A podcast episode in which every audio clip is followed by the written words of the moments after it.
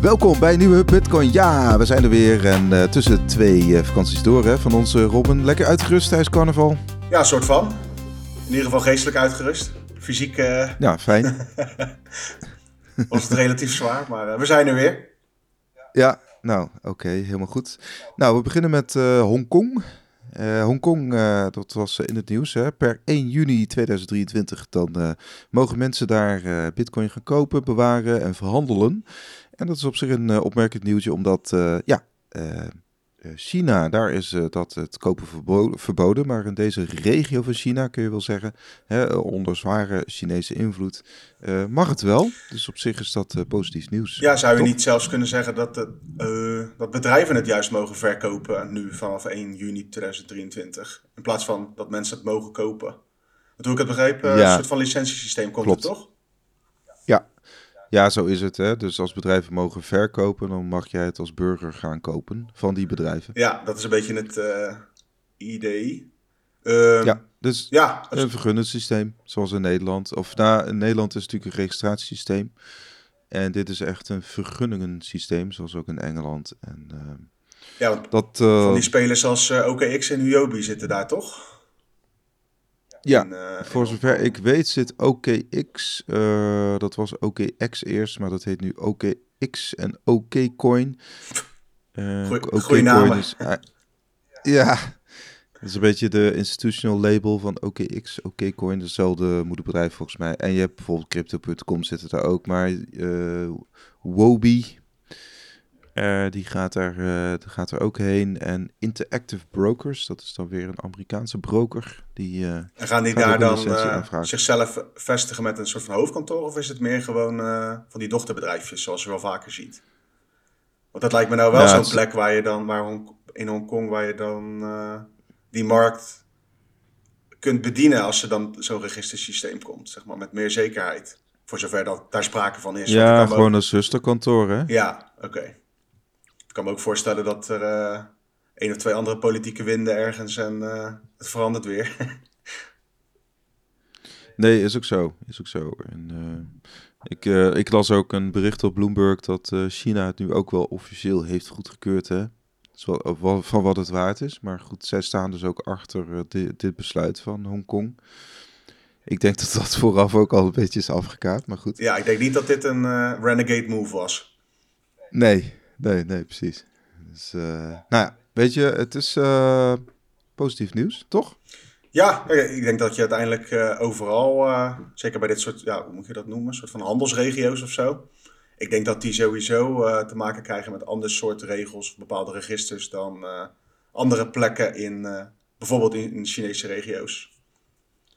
Ik denk dat je dat ook wel gaat zien in, ja, in, Amerika, in Amerika werkt het anders, maar dan zie je natuurlijk ook uh, dat Texas heel anders te werk gaat dan een uh, New York of Wyoming. Die hebben allemaal hun eigen manier van, van doen. En zo zie ik dit eigenlijk ook een beetje.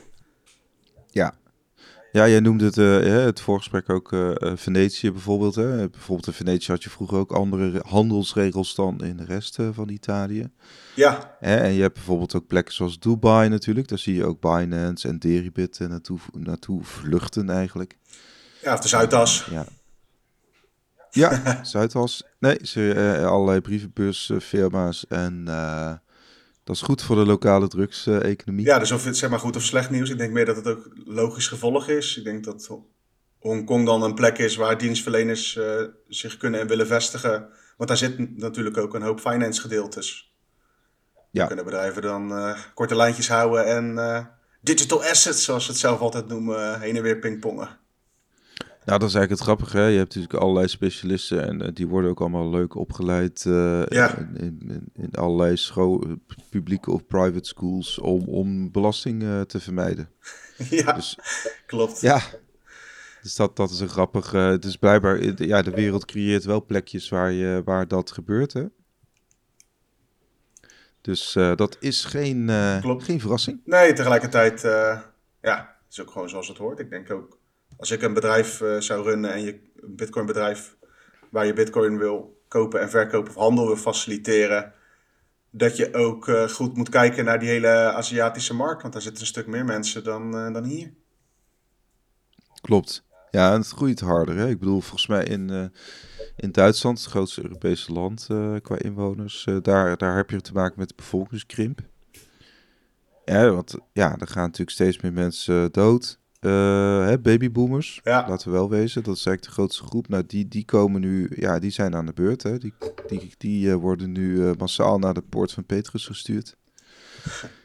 En, maar er wordt te weinig. je hebt natuurlijk een groei in alleenstaande. Dat zie je hier ook. Allemaal alleenstaande mensen. Die, niet, ja, die zijn op zoek naar de perfecte partner. Nou, hebben ze daar ook weer hele andere problemen in de demografie. Want ook daar is de vergrijzing gewoon groter. In bijvoorbeeld in China. Is ook zo, Japan ook natuurlijk. Ik zou qua bitcoin, uh, dat komt wel vaker voorbij, uh, zou ik eerder naar Nigeria kijken bijvoorbeeld. Andere deel van de wereld, maar daar is de bevolking heel jong en uh, daar wordt hard gewerkt aan central bank digital currencies en allerlei bankafsluitingen en zo. Daar lijkt mij eerder een plek waar een soort van onderaf bitcoin adoptie gaat zien hier in dat Hongkongse eh, nieuws is vooral ook uh, voor die handelsfirma's, denk ik. Nou ja, ze hebben ook minder tijd. Hè? Ja, het, het is heel cru om te zeggen, maar uiteindelijk heb je in uh, Nigeria ook gewoon minder uh, tijd om te leven. Dus ja, je moet ook, ja, je moet ook sneller handelen, denk ik dan. Ja, nou goed, weet ik niet. Maar ik denk wel dat. ja, het is een beetje gekscherend. Maar... Ja, ik denk vooral dat je te maken hebt met daar met de bevolking die ehm, gewoon direct naar een mobieltje zijn overgestapt. En dan komt Bitcoin best wel goed uit als je niet bij je bankrekening kan. ja, ja. Ja, ik vraag me is er nog een lokaal premium in Nigeria? Nou ja, zoeken we op. Uh, we hadden ook nog uh, Binance. Ja, de Binance zit, uh, die, die kijkt als een konijn in de koplampen van de Amerikaanse toezichthouders. Want even kijken wat zij. Bloomberg kopte met de nieuwskop dat de beurs overweegt om zich terug te trekken uit de Amerikaanse markt. En je had vandaag ook een, uh, een bericht getikt hè, over Binance US. Die mag dan uh, Voyager niet overnemen. Dat is een deal van 1 miljard dollar. Ja, dat is dan dat was uh, een van die partijen die dan betrokken was bij die totale ineenstorting van heel die ja, crypto lending markt. kredietverstrekkers in de industrie eigenlijk aan Jan en Alleman. En de SEC, de toezichthouder op de financiële markt in Amerika, die ja, die zeggen ook, waar het eigenlijk op neerkomt, is dat ze vallen onder andere over het aanbieden van, eventueel aanbieden van uh, securities of aandelen, onge, ongeregistreerde aandelen.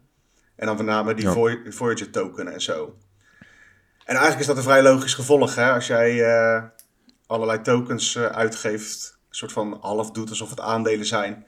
En vervolgens komt, er, komt het voor de rechtbank en moeten toezichthouders er allemaal wat over zeggen. Ja, dan ga je hier problemen mee krijgen.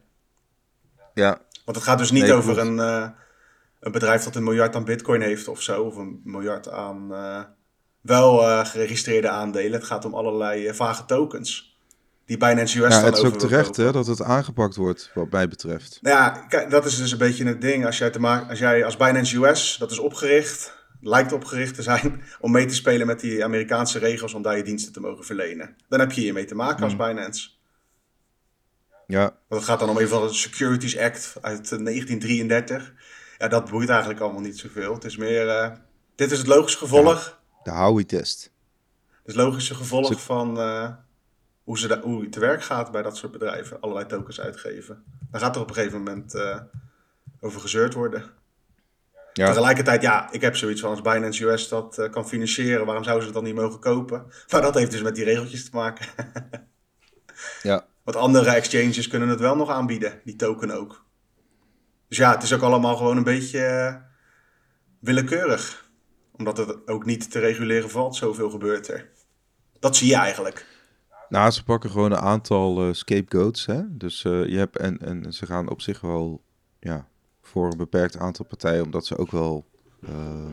ja, we zien denk ik ook niet zoveel. Je, je, hebt regelrechte scams, hè, waar we ook wel eens over berichten. Dus mm dat zijn gewoon ja, echte BitConnect-achtige partijen, OneCoin-achtige partijen. Hè? Gewoon, gewoon echt, echt pure oplichting. Hè, dus uh, ik noem maar wat, iemand stuurt iets naar een adres en uh, je krijgt niks terug. Of uh, ik noem maar wat, en dat, dat gebeurt natuurlijk ook heel veel in die token, echt die, die, die, die, die periode vanaf 2017, 18. En dan heb je eigenlijk, ja, zo'n zo'n Binance is inmiddels zo uitgegroeid tot een, tot, tot, tot, tot een entiteit. Ja, die, die, kunnen, die, die heeft al zo, die heeft echt een oorlogskast van je welste. Ik weet niet wat er in die spaarpot zit van uh, CZ. Maar die gaan ze ook niet zomaar aanpakken. Nou, ik, En hij kan het zo afkopen. ja, dat vooral, dat laatste. Ik denk echt dat je te maken hebt met een partij die... eh, ja, of het is ook allemaal gebakken lucht, hè. Want dat is ook... Het is allemaal zo vaag. Maar dat Binance heeft gewoon heel die, eh die cryptomarkt in handen eigenlijk op dit moment. Ook qua handelsvolume en zo. En Ja. ja, ik denk niet dat ze er wakker van liggen als ze zo'n eh Voyager niet over mogen nemen. Maar ik kan me zo voorstellen dat er eh, allerlei geldstroompjes lopen bij bijvoorbeeld zo'n Voyager. Dat voor Binance wel lekker is als dat wordt opgelost, weet je wel? Dit is niet uit de goedheid van hun hart of zo. Nee, nee, het is natuurlijk bad publicity. Dat wil CZ natuurlijk absoluut niet. Want ja, Ja, heel zijn verdienmodel is ook deels gebaseerd op, op, op, eh, op, op hype natuurlijk. Op, op, op, Ja. op ja. klopt. Maar je hebt ook gewoon te maken met eh, een partij die, waar je niet zomaar aan kan kloppen, zeg maar. Toen met Facebook, toen die eh, met Libra aan de slag gingen, met die, eh, die crypto-project. Ja, in principe, allerlei partijen sloten zich aan, van Mastercard tot Huppel de Puppy. Eh, iedereen eh, wilde eraan meedoen. Maar uiteindelijk werd het vrij snel eh, de kop ingedrukt. En dat is simpelweg ook omdat zij gewoon in, in Amerika aan de beurs genoteerd zijn. En Zuckerberg is makkelijk te vinden. Die moest, weet ik het hoe vaak, komen opdraven. Niet dat daar wat uitgekomen is, maar... En bij CZ Ja. werkt dat toch anders.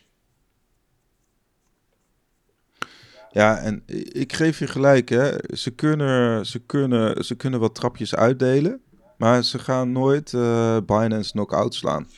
Dus eh, Nou ja, op, op, op het wereldtoneel, hè. Nee. Eh, want kijk, kijk er bijvoorbeeld naar bijvoorbeeld bepaalde tokens, hè. Als je gewoon CoinMarketCap, ja, de, hè, de, kijk ook wel, oh, is deze... Niet dat ik erin handel, maar ik, ik, ik volg het wel een beetje. En dan zie je ook bijvoorbeeld een, een beurs als Upbit uit, uit, uit eh, Korea. Ja, die, die pompt veel meer coins eigenlijk. En dan zie je wel dat de Binance daar eh, aan meedoet, hè, omdat zij dat ook eh, aan...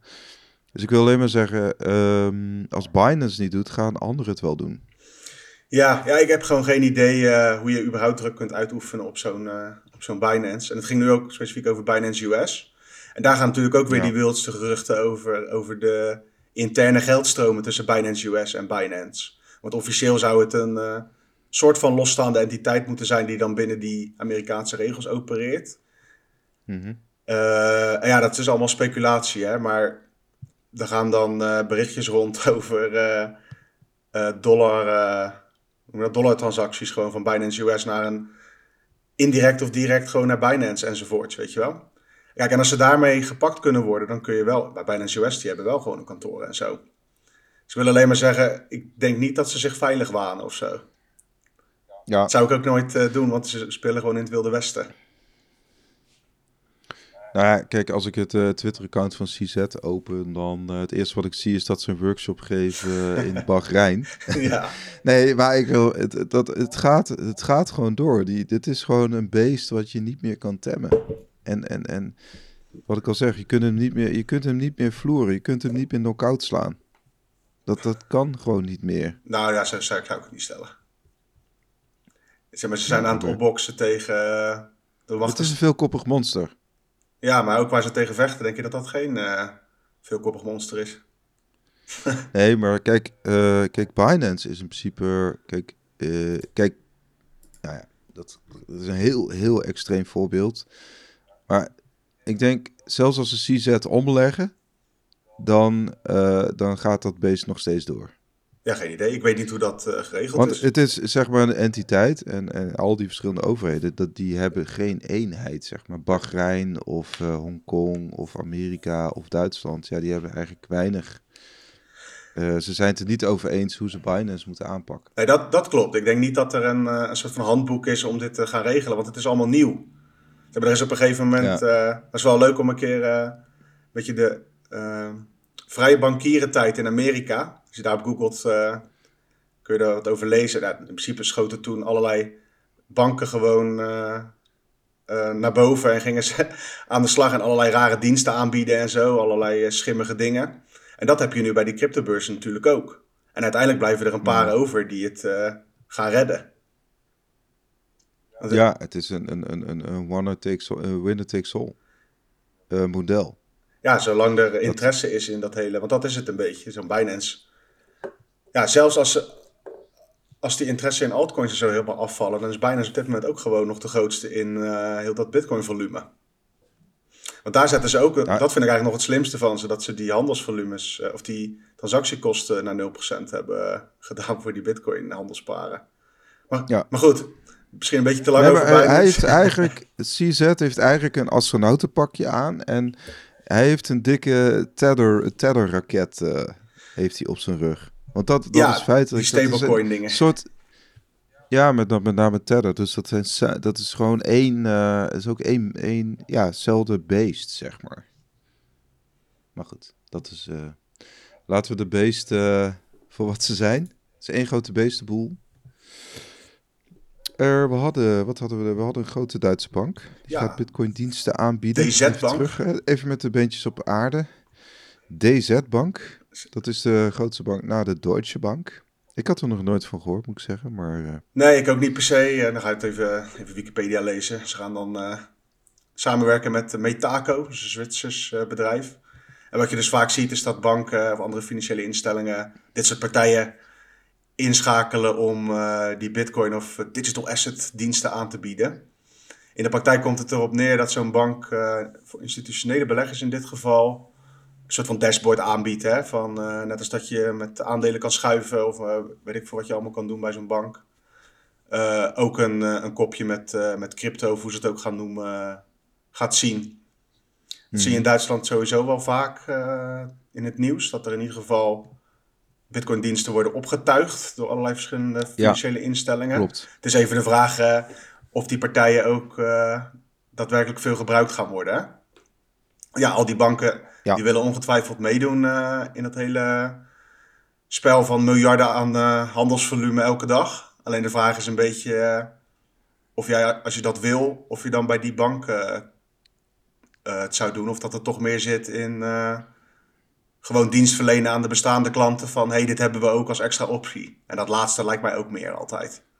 Ja, ja, wat natuurlijk eerder vorige eind uh, januari hadden we de DK Bank. Dat is, die gratis ook Bitcoin diensten aanbieden. Hadden we het ook over. Hè? Dat, dus, ja, uh, volgens mij heeft Willem Middelkoop het ooit gezegd. Van ja, het is gewoon, je hebt een keyboard. En op dat keyboard zitten allerlei uh, knopjes natuurlijk. En ook muziekstijlen. En ineens ja. hebben, we, hebben we, ik noem wat techno. Ja, eigenlijk die banken zeggen, oké, we hebben nu ook techno. We hebben, en je kunt ook je kunt op een knopje drukken, je kunt er gebruik van maken of niet. Maar ja. we bieden in ieder geval nu ook techno aan. Precies, het is totaal niet zo dat zo'n DZ-bank dan ineens zegt van Bitcoin is de toekomst. Het is gewoon onderdeel van hun servicepakket.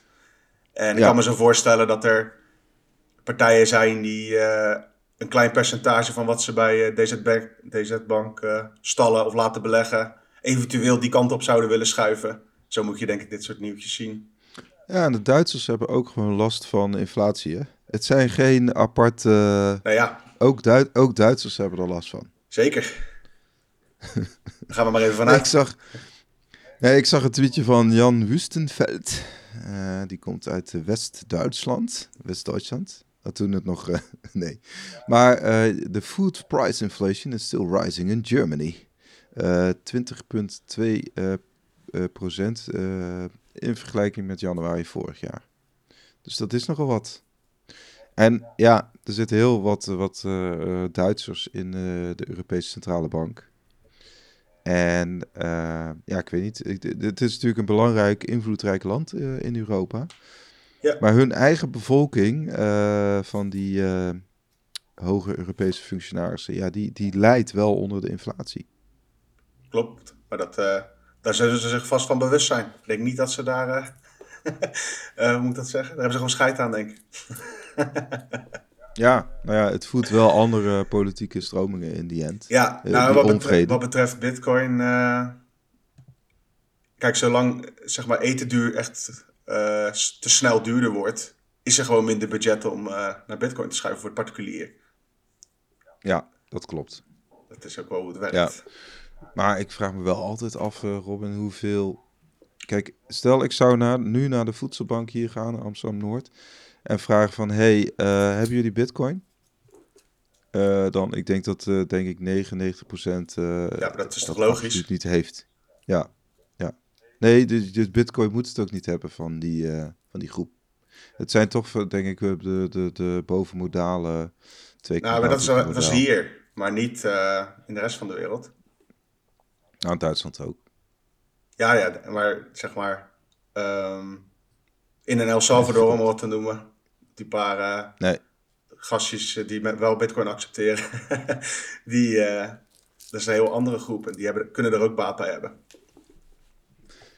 Ja, met name dan toch die remittances, hè, wat ik dan een beetje uit... Ja, eh, het schijnt ja, ook wel laag te zijn ziet. hoor. Eh, ik las echt eh, enkele procentjes maar. Maar toch, Wat, wat, je, wat je verdient. nee, wat, hoe heet dat? Wat dat, qua hoeveelheid remittances in bitcoin naar El Salvador, dat dat niet per se nu ineens een groot gedeelte is van het totale aantal transacties naar het land toe. Nee, nee, oké. Ja. Alright. We gaan door met de BIS-directeur, eh, hoe heet die man ook alweer? Augustin Karstens. Eh, hij heeft een Deense naam, maar het is een Mexicaan. En is heel dik.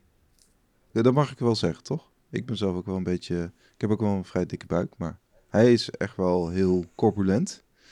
Eh, heeft een bril op, eh, dus daar kun je hem wel aan herkennen. Hij blijft sceptisch over bitcoin en andere cryptocurrencies. En hij vindt dat fiat geld de battle heeft gewonnen. Apart. Ja, is een beetje eh, is de opperbankier, hè? Bank voor internationale betalingen is dat je de centrale bank voor centrale banken. En daar kan je niks anders van verwachten dan dat dat, dat soort dingen geroepen worden. Doen het altijd Ja. goed eh, op de Bitcoin Twitters, die uitspraken van hem. Ja, ik zag ook een foto van hem dat hij eh, een honkbal wegslaat. Vond dat wel heel grappig. Maar goed, eh, ja, kijk, hij redeneert natuurlijk vanuit het bestaande systeem. En het bestaande systeem, ja, heeft natuurlijk, is, heeft er belang bij dat zij willen natuurlijk die digitale euro, digitale dollar gaan pushen. Ja, ik- Hè? En, en, en, en, en dus, dus alles wat daarmee concurreert, hè? of dat nou...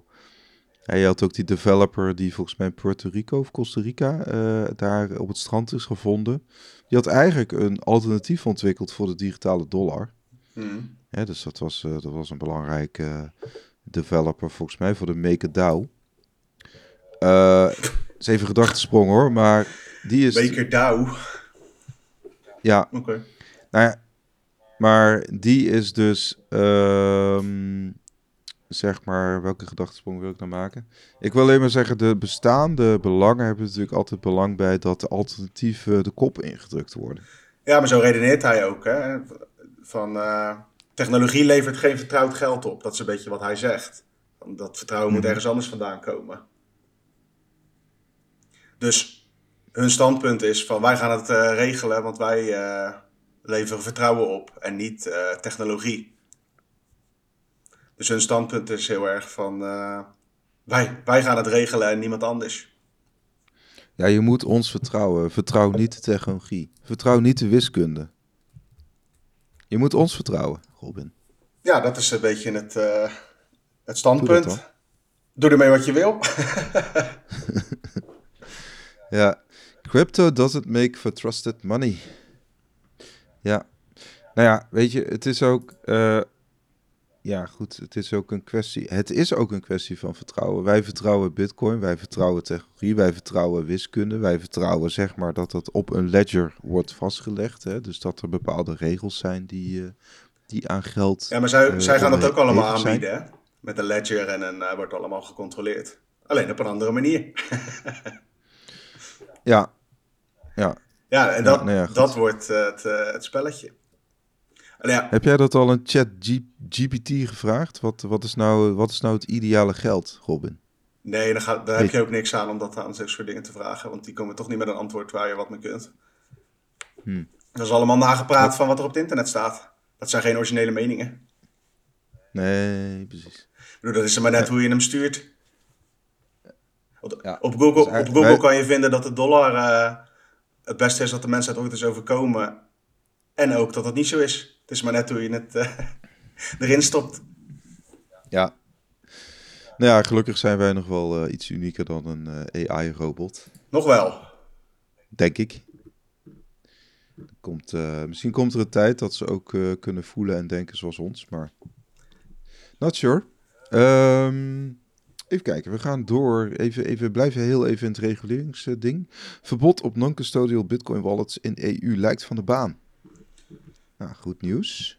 Ja, dat is een beetje zo'n... was een discussie vorig jaar hè, van, uh, binnen de bepaalde commissies binnen het Europees Parlement hè, op bijvoorbeeld self-hosted wallets. Ja, zo'n klote term. Uh, de, zeg maar, een self-hosted wallet is dus... Uh, ja, leg eens uit. Dat je die, die private keys hebt, dus zeg 12 woorden. En dat dat mhm. adres niet geregistreerd is bij een, een, hosted, een hosted wallet provider, bijvoorbeeld in het crypto-register in Nederland, om wat te noemen. Ja.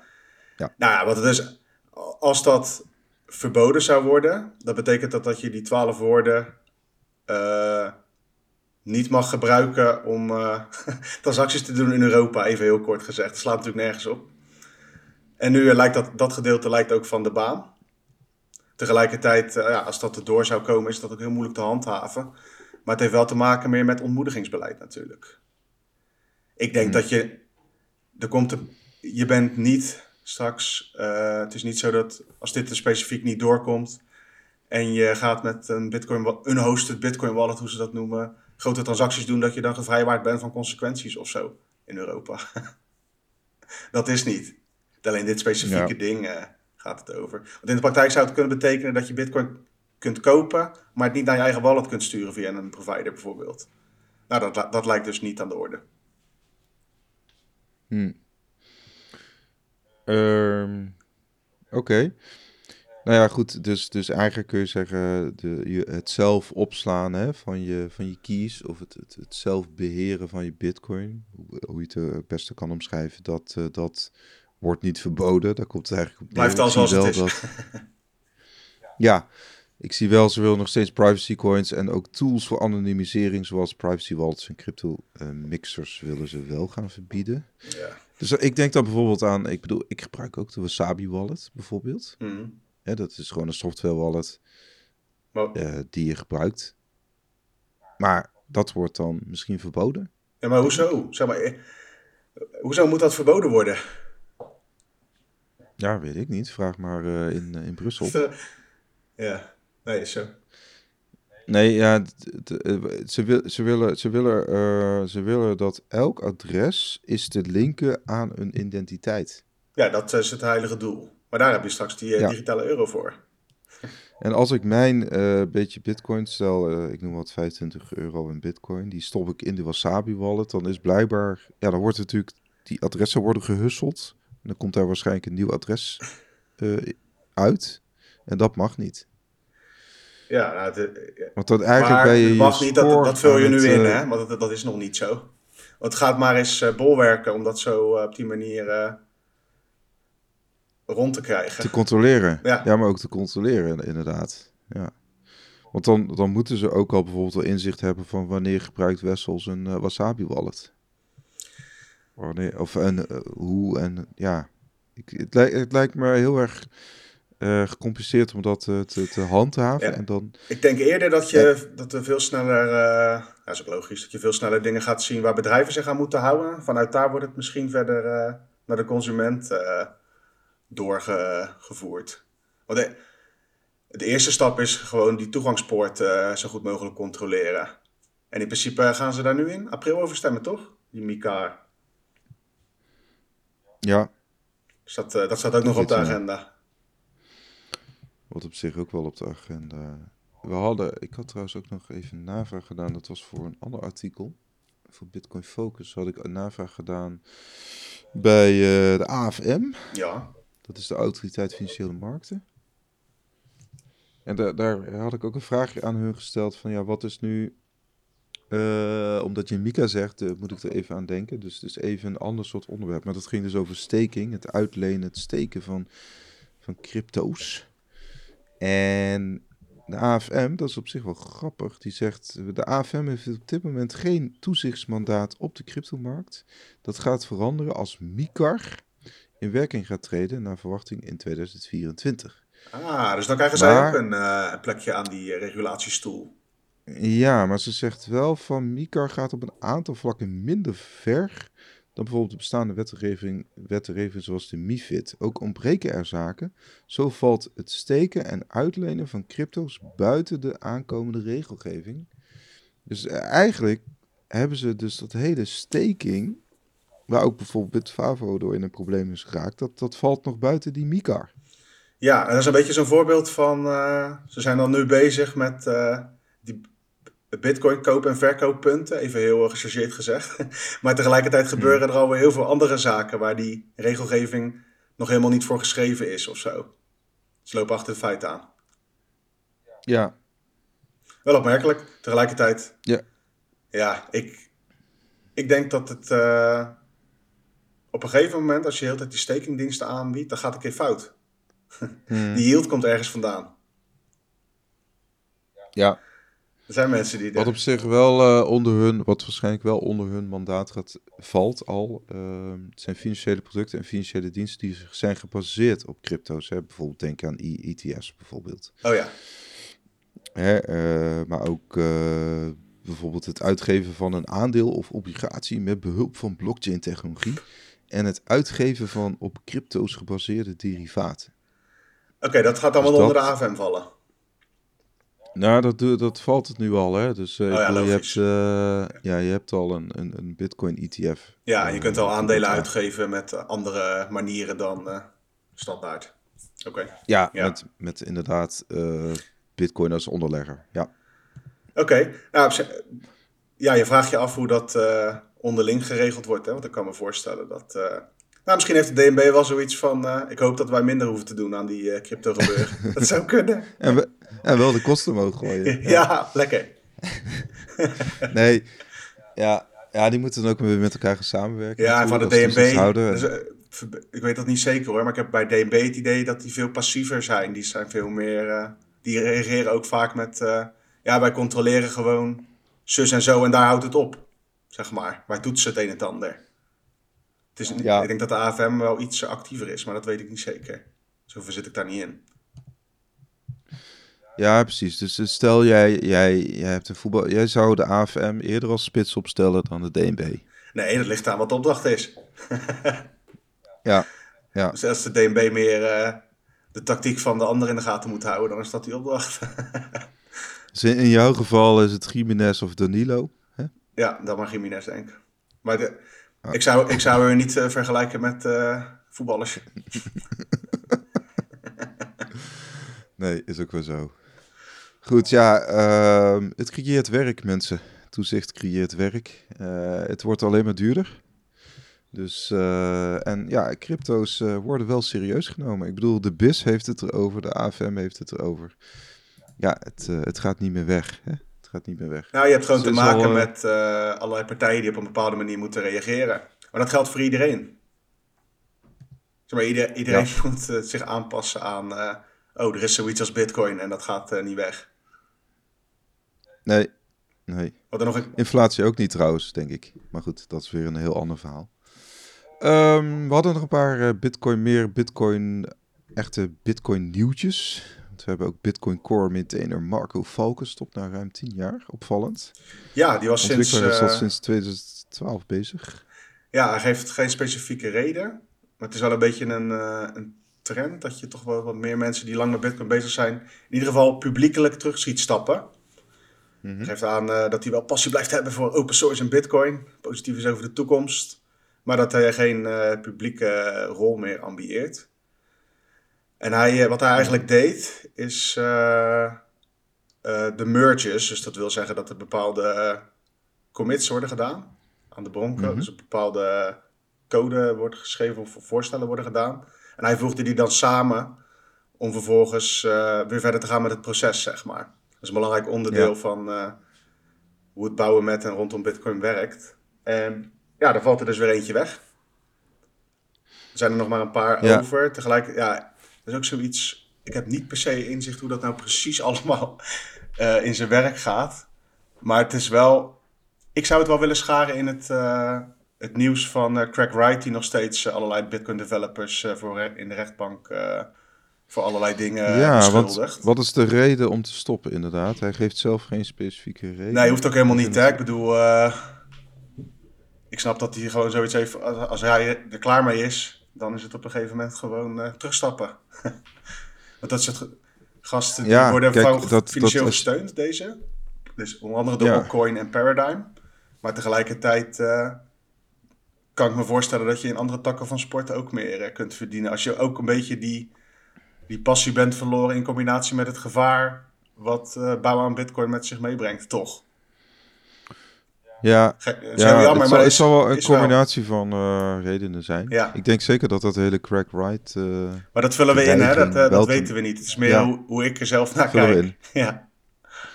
En ja, misschien wil iemand na tien jaar ook gewoon weer wat anders doen. Dat is op zich een heel menselijk natuurlijk. Dat je niet eh, heel je leven hetzelfde bl- wil blijven doen. Of hetzelfde in ieder geval ja, in in hetzelfde specifieke... Hè? Ik bedoel, Nou, als je tien jaar geleden bent Eh. begonnen, of zo in 2012 bent begonnen en eh, je vond het toen leuk om aan Bitcoin, met Bitcoin bezig te gaan en bij te dragen. Het is een hele andere wereld geworden, hè? Sociale druk en weet ik het allemaal voor gekkigheid, het speelt allemaal mee. Kijk, wat stel dat iedereen eh, bitcoin eh, als salaris ontvangt. Ja, wat, wat is dan... Ja, dan kun je op... Dan is, zit ons werk er misschien ook wel op, ja, Robin. hoeveel wil je die, eh, wil je die verantwoordelijkheid dragen hè, voor zo'n eh, gigantisch iets?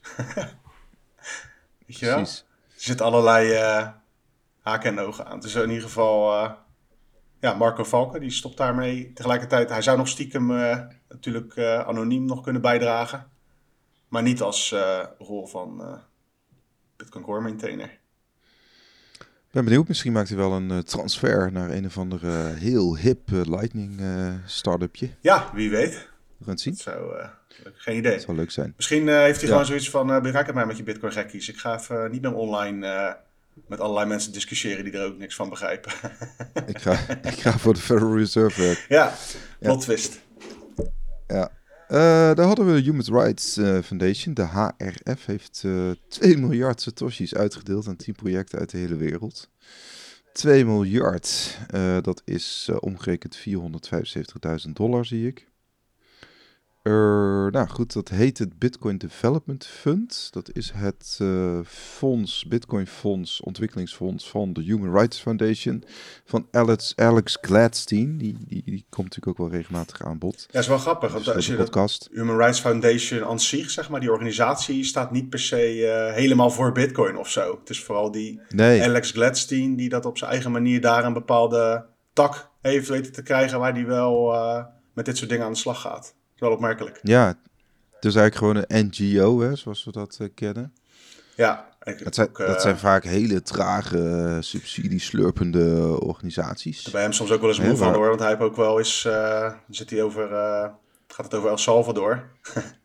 en in plaats van het met de Bitcoin bril te bekijken, begint hij dan over de, toch ook de rechten van zijn werk, over de mensenrechten en zo. Dat heeft hij wel. Hij wil wel heel vaak overal politiek sausje nog overheen gooien naast het Bitcoin gebeuren. Maar ja, dat hoort er misschien ook een beetje bij. Ja, dat moet je, heb je ook nodig, toch? Ja, dat zeg ik is misschien Hij, ook zijn hij, is gewoon een Bitcoin-evangelist. Ja. Hè, Het is eigenlijk een soort, eh, die stuur je overal heen om het woord te verspreiden. Ja, of, Het ware woord. of ah, eigenlijk hij stuurt zichzelf overal heen, hè? Vanuit zijn eigen organisatie. Tenminste, het is niet van hem, maar...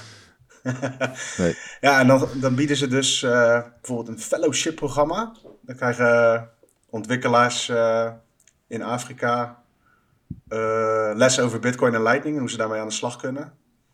Mhm. En aan de hand daarvan eh, ja, bouwen ze op hele kleine schaal eh, lokale Bitcoin dingen op natuurlijk. Hm. Het gaat dan om donaties van eh, ja, tot 100.000, maar de meeste is, eh, is eronder. En dan gaan mensen Ja. aan de slag. Kan ook bijvoorbeeld een Bitcoin-conferentie zijn, zie ik voorbij komen.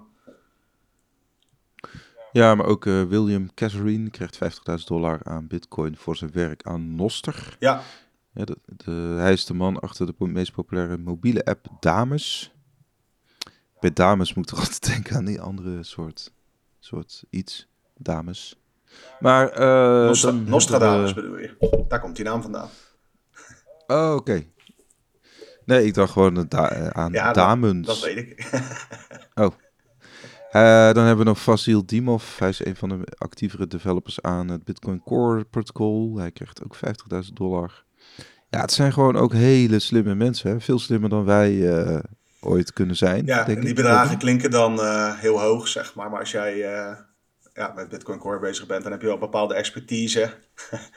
dat is 50.000 dollar, eh, kan je ergens anders wel meer verdienen. Dus dat is altijd wel eh, goed om Klopt. in ogenschouw te nemen. Ja, maar het is in ieder geval, eh, in Nederland zou het boven modaal zijn. Ja, als jij 50.000 dollar krijgt eh, per jaar. Ja, maar niet als je Maar eh, aan iets... Als je in Amerika woont, we niet. nee, of aan belangrijke software bouwt. Dan gaat die prijs ook snel omhoog in Nederland hoor. Is ook zo. Dus hadden wij nog wat? Had je nog wat? ik zit even te kijken. Nou, wat ik wel grappig vond, dan misschien ja, een tijdje geleden dat we het over FTX hebben gehad. Maar dat je daar dus Mhm. ziet dat ja, die voormalige compagnons van eh, Sam Bankman-Fried toch neigen naar hem eh, voor de bus te gooien. Oh ja. Nishat Ja. Singh gaat het in dit geval over. Volgens Bloomberg, eh, Bloomberg gaat hij bekennen voor fraude onder andere. En ja, daar zie je wel dat als je empire dan eenmaal crumbled, dat het ook wel ieder voor zich is. Want, en uiteindelijk heeft hij Ja. toch ook stiekem een beetje de playbook van, van Binance gebruikt. Dus de vraag is, eh, ondanks dat ze veel groter zijn, of het niet hetzelfde kan overkomen. Precies. Op zich een goede, een goede luistertip vind ik wel. Wat had ik nou gedeeld? Dat was bij. eh, Volgens mij Swan. Nee, bij eh, Preston Pish van eh Mhm. Billionaires. God, dan ben ik het kwijt. Maar het was in ieder geval een, een journalist. ehm, die ehm, eh, te gast was daar eh, bij. ehm, en en de- die heeft zeg maar helemaal uitgezocht. eh, het hele eh, FTX eh, gebeuren heeft hij helemaal uitgeplozen. En hij, hij had wel een aantal interessante quotes. En eh, dat is op zich een. eh, ja, een, Waar eh, was die een podcast? luistertip. Eh, wow, moet ik even opzoeken. Eh, dat ging in ieder geval over de deep dive aftermath of FBF en de FTX disaster. En dat is We Study Billionaires, heet die podcast. Oké, En de Interessante titel. Was, eh, de, de gast is dus Mark Goodwin. Hij schrijft onder andere voor bitcoinmagazine.com. En hij heeft dus inderdaad eh, eigenlijk de ins en outs van, eh, van, van, van SBF, hè, Sam Bankman-Fried en FTX helemaal uitgeplozen. En bijvoorbeeld ook gekeken, hè, wat voor connecties hebben de ouders van eh, SBF... Eh, wat, wat voor rol speelt bijvoorbeeld eh, de stablecoin in de Bahama's in relatie tot FTX? Ehm, wat voor mensen zitten bijvoorbeeld achter de borg die is betaald voor Sam Bankman-Fried? Hè? Om op vrije voeten in ieder geval in, in, in het huis van zijn ouders zijn straf, zijn, zijn rechtszaak te mogen afwachten. ja. En, en er worden wat lijntjes gelegd van, ja, eh, best wel bijzonder hè, dat zo'n hoge borg eh, vrij snel is betaald. Eh, hoe zit het nou met de politieke connecties van zijn ouders? En zijn er bijvoorbeeld ook connecties mogelijk tussen zijn ouders en bijvoorbeeld de Federal Reserve? Ja, want dat is natuurlijk de grote, grote kracht achter de digitale dollar. En ook zeg maar de hegemonie van de dollar. Dat de dollar nog heel lang mogen bestaan. En ehm, nou ja, goed. Ja, het is wel interessant hoor, dat verhaal. Want het is gewoon zo'n samenloop van allerlei hele rare situaties. Eigenlijk kwam dat Ja. FTX uit het niets. Op allerlei verschillende manieren is die, is die Sam Bankman-Fried eh, publiekelijk naar voren geschoven als eh, de golden boy van eh, de crypto scene in Amerika. En ondertussen is daar zoveel geld mee gemoeid geweest. En op allerlei verschillende manieren op andere plekken terechtgekomen. Mhm. Dat ik denk dat we hier nog heel veel andere podcasts nog een keer over gaan horen. En dat het dan toch weer net wat anders zit. het is echt zo'n weerwar aan, eh, aan connecties. Hij deed het in ieder geval niet allemaal zelf. Nee, precies. En er, er zijn heel veel belangen bij gemoeid. En ik denk, ja, er wordt volgens mij sowieso een film over gemaakt. En ik denk dat er ook wel diverse boeken over worden geschreven. En eh, nou ja, deze, wat zei ik nou? Sam Goodwin? Eh, Mark Goodwin. Die had in ieder geval daar een, goede analyse van. Dus, eh, Alright. Nou, mocht er daar meer over gebeuren, dan hoor je het natuurlijk in deze podcast Het Bitcoin. Of lees je het op bitcoinmagazine.nl. Precies, en wij zijn, als ik terug ben van de Smeltende Bergen, zijn wij er eh, maandag 6 maart weer. Ja, en normaal eh, gesproken de podcast. hoor je ons dan gewoon weer eh, elke maandag. Maar we hebben eventjes kleine vakantietjes en dan komen we weer bij je terug. Yes. Dankjewel voor het luisteren en tot de volgende. Ja, dankjewel. We houden van jullie. Oké. Later. Doei.